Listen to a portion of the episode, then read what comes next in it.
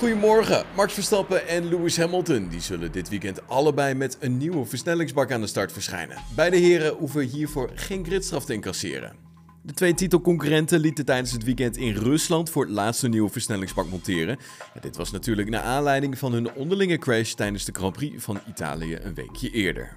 En Red Bull Racing heeft tijdens de vrije trainingen op de vrijdag een niet al te goede ervaring gehad met de zachte band. Volgens teambaas Christian Horner komt dit doordat de zachtere compounds meer diva-gedrag vertonen en toch wel moeilijker te managen zijn. De teambaas benadrukt echter dat er meer teams een dergelijk probleem hadden.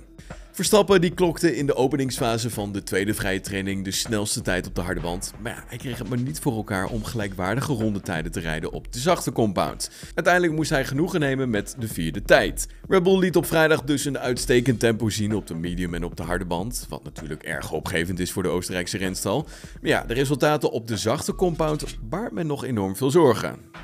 We voelden ons erg sterk op de harde band. Maar ja, hoe zachter de compound werd, des te meer diva-gedrag de band ging vertonen bij het aanzetten en het maximaliseren. De teambaas benadrukt dat Red Bull veel analyse zou gaan doen om zich zo goed mogelijk voor te bereiden. Als ik naar de opmerkingen van de andere teams luister, dan denk ik dat wij niet de enige waren. Anderen hadden ook moeite om de auto op de juiste plek te krijgen. Maar goed, zodra je dit lukt, dan zul je zien dat er veel meer vermogen in zit. Zo zei Horner tegenover Sky Sports. Kijken we nog even snel naar het tijdschema van dit weekend.